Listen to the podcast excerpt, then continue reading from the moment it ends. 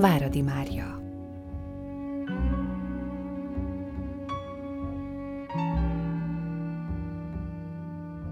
Ha beteg voltam, a gancs nem jöhetett át hozzánk. Ha visszagondolok az ágyban töltött időszakokra, sosem az jut az eszembe, hogy szenvedek vagy rossz volt, pedig nyilván nem volt kellemes egyik gyermekbetegség sem. Ám otthon olyan apparátus működött, hogy elfelejtsem, akármi kínzott is, hogy ezekről a hetekről különösen fényesek az emlékeim. Ilyenkor soron kívül is mesék születtek, és mikor nem voltam lázas, s nem kellett a szememet félteni, anyám kártyázott velem, vagy papír ceruzát adva a kezembe, akasztott embert és verses szekretert játszottunk. Az akasztott ember abból állt, hogy anyám felírta a papírra egy szó első és utolsó betűjét, mondjuk a kutyaszóból a kát és az át, és az út meg a tyét kipontozta, és nekem ki kellett találnom, mi az a fogalom, amelynek csak kezdetét és végét mutatta meg a jelzés. Magán vagy mással hangzókat kellett mondanom sorra. Anyám a megfelelő kipontozott helyre írta be, ha valamelyik a feladott szóba illett, ha nem találtam el, elkezdte rajzolni az akasztófámat. Ha mondjuk a kutyaszóba ert javasoltam, húzott egy függőleges vonalat. Ez volt az akasztófa függőleges cölöpe. Ha a második hangot se találtam el, és azt mondtam például ó, húzott a cölöp tetejébe egy másik vonalat, és már állt is a rémes tákolmány, amelyre menthetetlenül rákerültem, ha nem sikerült rájönnöm, milyen betűk alkotnak az adott kezdő és záróhang között értelmes szót. A következő tévedésnél a kampó, aztán a kötéldarab, utána már a fej következett. Az akasztás ténye akkor fejeződött be, ha az embernek már a második lábát is felrajzolta ellenfele, s ott fityegett a papíron bús képemása. Hosszú összetételeket nehéz volt kitalálni. Gyakran irgalmatlanul felakasztottak, borúsan pislogtam, mikor a fejem már ott volt a papíron, éreztem, utolsó perceimet élem. Ha én adtam meg a szót, anyám voltak éppen nem is játszott velem igazán, csak azt mímelte, hogy játszik. Olyan szókincse, nyelvérzéke, olyan káprázatos nyelvész fantáziája volt, hogy csukott szájjal nevetgélve engedte, hogy majdnem felakasszam, szándékosan csupa nem az általam feladott szóba illő hangot javasolva, mikor aztán már diadalmasan készülöttem, hogy megrajzoljam a másik lábát az akasztófán, egyszerre kimondta a legkomplikáltabb összetett szót is, amiből azonnal látni való volt, hogy az első pillanatban tudta, mit kell kitalálnia, csak hagyott rajzolgatni élvezni a momentán áldiadalokat. Ha kártyáztunk, ugyanígy tett. Rengeteg kártyajátékot ismert, fölényesen, remek kombinatív készséggel játszott, komoly, igazi játékokat is. Engem, ha alapjárás végképp hihetetlenné nem tette, pici koromban mindig nyerni hagyott eleinte. Aztán mosolygott egyet, s már is ott álltam, kezem teli rosszul választott, rosszul elrendezett lapokkal, elvesztve a játszmát, ha pénzbe játszottunk volna, ugyan fizethettem volna neki. Hogy figyeljek, vagy kombináljak, az eszemet használjam, következtessek, gondolkozzam még a játékban is, ő tanított meg rá. Rendkívüli nyelvkészsége később is bámulatba ejtett. Mint valami jó ételt, ízlelgette a ritkább magyar szavakat. Kifejezésmódja soha el nem hagyott debreceni dialektusa, szavai, mondatfelépítésének rendkívüli plaszticitása mindenki figyelmét magára vonta. Idegenek szólították meg már Pesti lakos korában, ha bevásárolni ment. Elragadtatott pénztáros nők kérlelték a közértben, beszéljen velük, hozzájuk, akármit, csak hallhassák tovább hogy a nyelv struktúrája, általában a nyelvtannal való foglalkozás olyan mértékig kenyeremmé és szenvedélyemmé vált nekem is, teljességgel neki volt köszönhető. Nyelvtani játékaink felértek a legizgalmasabb szórakozással. Könnyen elhittem neki, hogy tanítóképzős korában ő volt az első a magyar nyelvtan ismeretében az osztályban, hisz még 80 éves korában is gyakran arra kért, Kérdezzem őt mondattamból. Mondjak neki komplikált, összetett mondatokat, hogy elemezze, fejtse meg. Ültem ágya szélén, vizsgáztattam, ő itta a kávéját, szívta elképzelhetetlen mennyiségű maga töltötte cigarettáját, és nevetve, köhögve egy pillanat alatt megoldotta a legnehezebb feladványomat is, s rám sandított, büszkén és gyerekesen, mit szólok hozzá. De játszott csak úgy magának, egyszerű szavakkal is. Tovább képezte őket arra törekedve, hogy tudna az új képzővel valami váratlan jelentésváltozást elérni. Gyűjtött szinonimákat, tájszavakat is, este meg azon aludt el, hogy verseket mondott fel magának, hosszú balladákat, vagy több kötetes 19. századi regények tartalmát. Egész pici koromban ráfogott a verses szekreterre is. Első verstani óráimat betegágyamban adta. Írok egy sort a papírra, aztán a papírt behajtom, hogy ne lásd, mi a szöveg. A behajtott papírra kívül azt írom rá, hány szótakból állt a sorom, mondjuk, hogy tizenkettőből, és ráírom azt is, mi volt nálam a legutolsó szó. Akkor te írj egy másik sort, számolt ki az ujjadon, hogy a tiéd is éppen tizenkét szótakból álljon. Mindegy, miről szól a sorod, szólhat akármiről. Egy a fontos, hogy olyan szóval fejezd be, ami épp úgy hangzik, mint az én sorom utolsó szava, amit kívül felírtam a papírra. Mondjuk, hogy én azzal végeztem kabát. Akkor te keres hozzá olyan szót, amiben elől van egy A, hátul meg egy A, ilyesmi, hogy magát, haját, és ahhoz találj ki valami sor elejét. Ha megvagy, írd a papírra, és ír mindjárt egy új sort is, de ennek már más legyen a vége, másféle szó. Aztán most te hajtsd be, amit csináltál, hogy én ne láthassam, és te írt fel a legutolsó szavadat, hogy én keresek az én új soromban hasonló hangzású véget annak, amit majd én találok ki. Mikor már sok sorunk lesz, elolvassuk a versünket. Csuda nagy bolondság jön ki belőle, mert hiszen te nem tudod, hogy én mit írtam, én meg nem tudom, mit írtál te. A kész szövegnek nem lesz se füle, se farka, majd meglátod, hogy dűlni fogunk a nevetéstől. Így tanultam meg tőle a rím fogalmát. Így tanultam meg ráfigyelni, hogy a szabályos sorok azonos szótak számból állnak. Így tanultam meg, ahogy az évek teltek egyre differenciáltabb fogalmakat is, jóval azelőtt, hogy az iskolában ilyen jellegű képzésre fogtak volna. Önálló verseimre a verses szekreterben elért sikereim buzdítottak. Első verseimet az ajtóra írtam. Ennek látszólag nem volt értelme, mert könyv és papír bármely mennyiségben rendelkezésre állt otthon, csak azért mégse volt az minden jelentőség nélkül. Az ajtó családtagjaink egyike volt, élő figura, amely részt vett az életünkben. Nálunk az ajtó volt a Fasti Consulares, Csöppet se lepett meg később latinórán, amikor közölték, hogy a rómaiak viaszos fatáblán leveleztek. Ajtóra jelezni voltak éppen apám kezdett nálunk. Odaállított és ceruzavonással havonta megjelölte, mennyit nőttem. Az ajtónk olyan volt, mint egy napló, dátum is állt minden vonáska mellett. Nagy takarításkor mindent le lehetett mosni, csak azt az ajtót nem, amely a hálószobánkba vezetett. Apám babonás félelemben élt, hogy a jelzések valami összefüggésben állnak az életemmel, növekedésemmel, és ha eltünteti az ajtóról a ceruza jelzéseket, meghalok, esetleg nem fejlődöm tovább, törpe leszek. Így maradtak meg a jelzések. Én meg megtanultam tőle, hogy lehet, hogy szabad ajtóra írni, hogy igazán jelentős dolgokat ajtóra ír az ember. Azon próbálgattam hát friss tudományomat ronda betűimmel.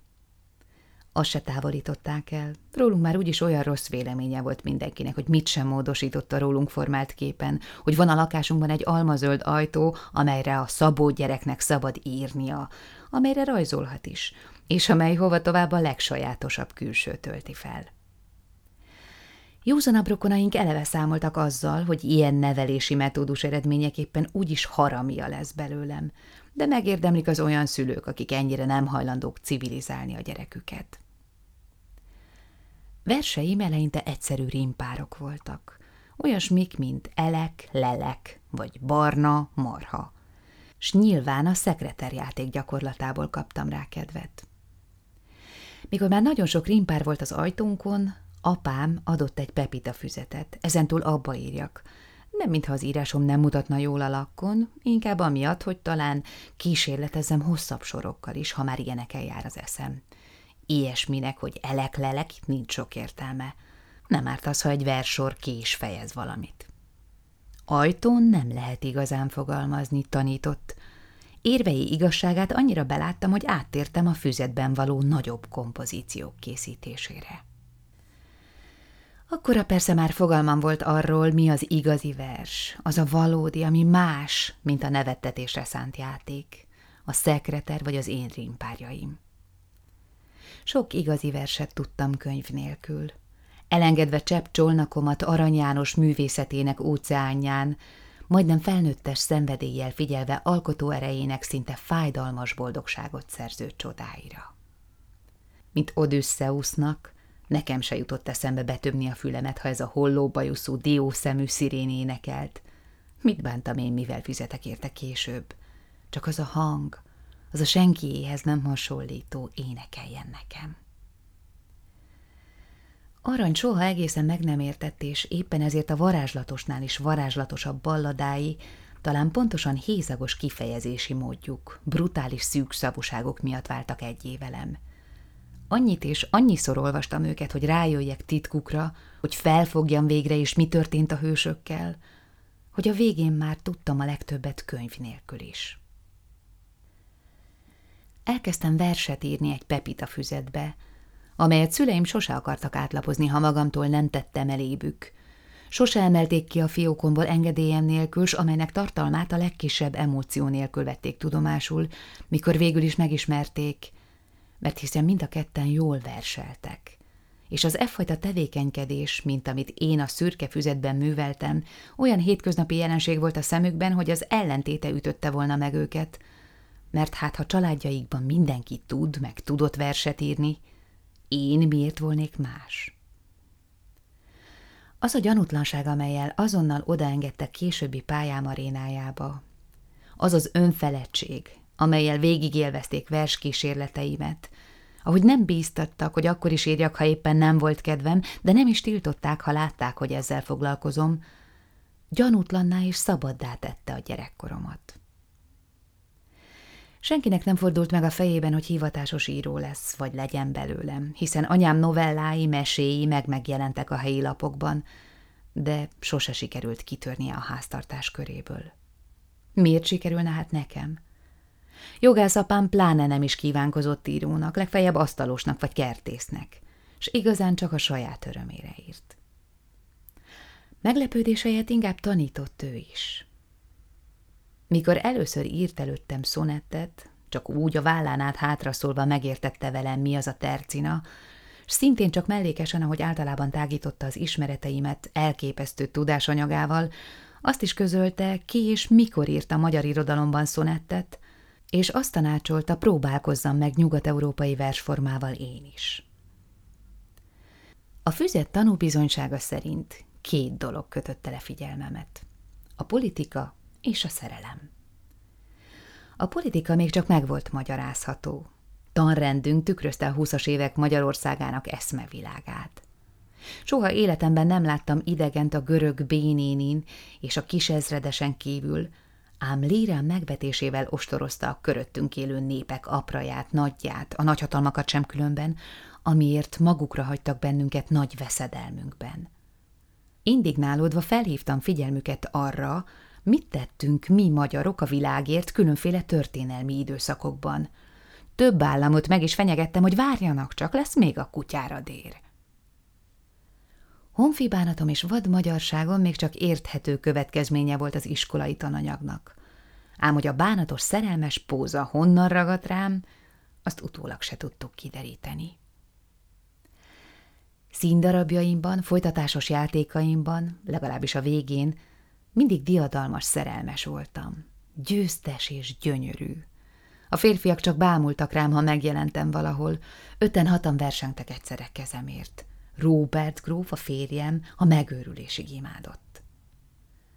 Szerelmes verseim viszont folytonosan sírtak, epettek, egy földön heverő, a viszonzatlan szerelem megalázó élményétől letepert fájvirág siránkozott és ajánlkozott a soraimban, sőt, olykor zsarolta is imádottját azzal, hogy ha nem fogadja el érzéseit, majd megnézheti, mi lesz, hogy számol el a jóistennek arról, amit vele cselekedett. A versek később, amikor elolvastam őket, azért döbbentettek meg, mert mintha nem ugyanaz a személy írta volna őket, aki a drámai műveket vagy az életjátékokat kitalálta. Felnőttként persze világos volt, hogy az a Proteusz gyerek, aki a sirálmokat írta, az még önmagával se volt azonos, nemhogy azzal, akinek élete se volt, csak szenvedései. Mikor a füzet betelt, apám azt mondta, ez már valóságos kötet, adjunk neki címet, minden könyvnek van címe. Kértem, adjon ő, azt felelte nem, legyen csak az egész az én munkám, címet is magam válasszak neki. Törtem a fejemet, de nem jutott eszembe semmi. Átnéztem az otthon lévő verses köteteket, de a legtöbbnek csak annyi volt a címlapján, hogy valakinek a versei vagy költeményei.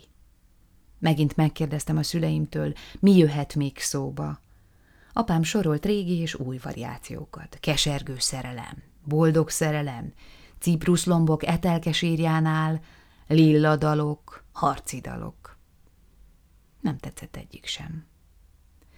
Hát akkor vér és arany, levelek íriszkoszorújából nem vonzottak.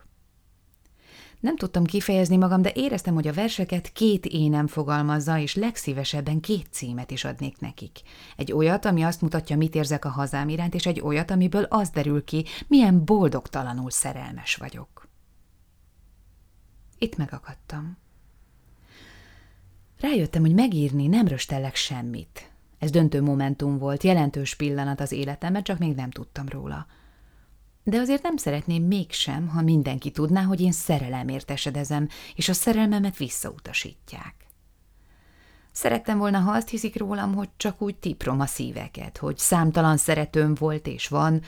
A szerető szót elsődlegesen értettem. Azt gondoltam, az a szerető, aki a szokottnál, az átlagosnál jobban szereti az embert – ha mindenki azt képzeli, több kérőm volt, és csak rajtam állt, hogy még nem jegyeztem el magam.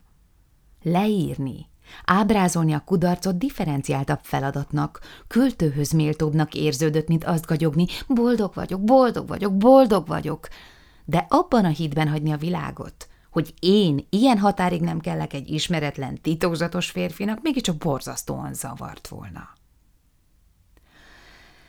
Éreztem, nem vállalom a kötetnek csak a hazafias részét. Nem fogom ráírni a nevemet, mert ha mégis eljutna idegenekhez, kinevetnek, vagy sajnálni fognak, ami megalázó. Eltettem a füzetet. Nem adtam neki címet se, nem is írtam a címlapra semmit. Aztán egyszer csak rájöttem a megoldásra. Szüleim vezettek rá, mint annyi mindenre, ami az irodalomhoz kapcsolódott. Hogy Ingeborg aki önszületése napján azon töri a fejét, hogy az anyja, ha sejtette volna gyermeke jövőjét, nem hozta volna a világra, nem igazi Ingeborg, hanem valamiképpen sárosi rokonunk, azt régtől fogva tudtam. Mikor Tompát olvastuk apámmal, megtanított rá, hogy az Ikarusz versben nem a mesebeli Ikaruszról van szó, hanem rejtetten voltak éppen Magyarországról, a magyar szabadságharcról, a gyönyörű kísérletről, hogy kivívjuk végre a szabadságunkat. Az allegóriák megértése után került szóba az írói álnév. Hallottam az Eszter szerzőjéről, arról is, hogy apám kedvenc Dickens-e Bóz néven is kiadta a könyvét, és hogy nem mindig írja ki az alkotó a valódi nevét, hanem más valakinek kereszteli el magát. Azonnal megéreztem a rendkívüli lehetőséget, amely minden problémámat megoldja. Írói álnevet választok. Csak azt kell eldöntenem, mi legyen az. Keresztnevem sok volt. Öt. Az elsőből, a Mária Magdolnából leválasztottam a Máriát, mert az azért én voltam, csak nem egészen. Családnév nehezebben akadt, de azért akadt az is. Apám anyja Váradi Szabó lány volt. Rokonaink mind ilyen kétnevűek. Elvettem nagyanyámtól a fele nevét, és ráírtam a füzetem szabadon hagyott első lapjára kacskaringós betűkkel úgy, ahogy azon a bizonyos délutánon a lantos, piros, aranyános kötetben láttam. Váradi Mária kisebb költeményei. Váradi Mária nem sokáig élt. Mihelyt apám észrevette, hogy Váradi Mária csinál mindent, amit én nem akarok vállalni, hogy Váradi Mária szemtelen módon beköltözött hozzánk, és képzelő tehetségem már is úgy számol vele, mint egy különálló lényel, és valami Jekyll Hyde kettősség indul meg a lánya lelkében, amiből nem nehéz kikövetkeztetni, hogy kurta lesz az út, míg Váradi Mária eljut odáig, hogy mindent léleknyugalommal elkövessen, amitől apám lányát a józan megfontolás visszatartaná, mert hiszen nem azonos vele, hogy volna azonos? Váradi Máriát kivégezték. Apám végezte ki, nem sokat teketóriázott. Kurtán, kímélet nélkül, olyan komolyan beszélve velem, mint egy felnőttel, közölte, vagy beírom a nevemet a füzetbe, és vállalom a verseket, amiket én írtam, vagy széttépi mindet. A versek megsemmisülnek, mert hiszen tulajdonképpen versek se lehetnek, ha én nem vagyok, ha azok Váradi Mária művei. Igaz, hogy szégyeltem magam, amiért olyan alázatos szerelmes vagyok, hogy mindig könyörgök, a karomat nyújtogatom, sírok, de a hazafias verseimre büszke voltam, és azokat meg akartam menteni. Fogtam hát a radírt, kitöröltem Váradi Mária fertelmes betűkkel írt nevét, és beírtam helyettem magamét. Megint megkezdődött valami, akkor se tudtam róla. Az ember csak később veszi észre az ilyesmit.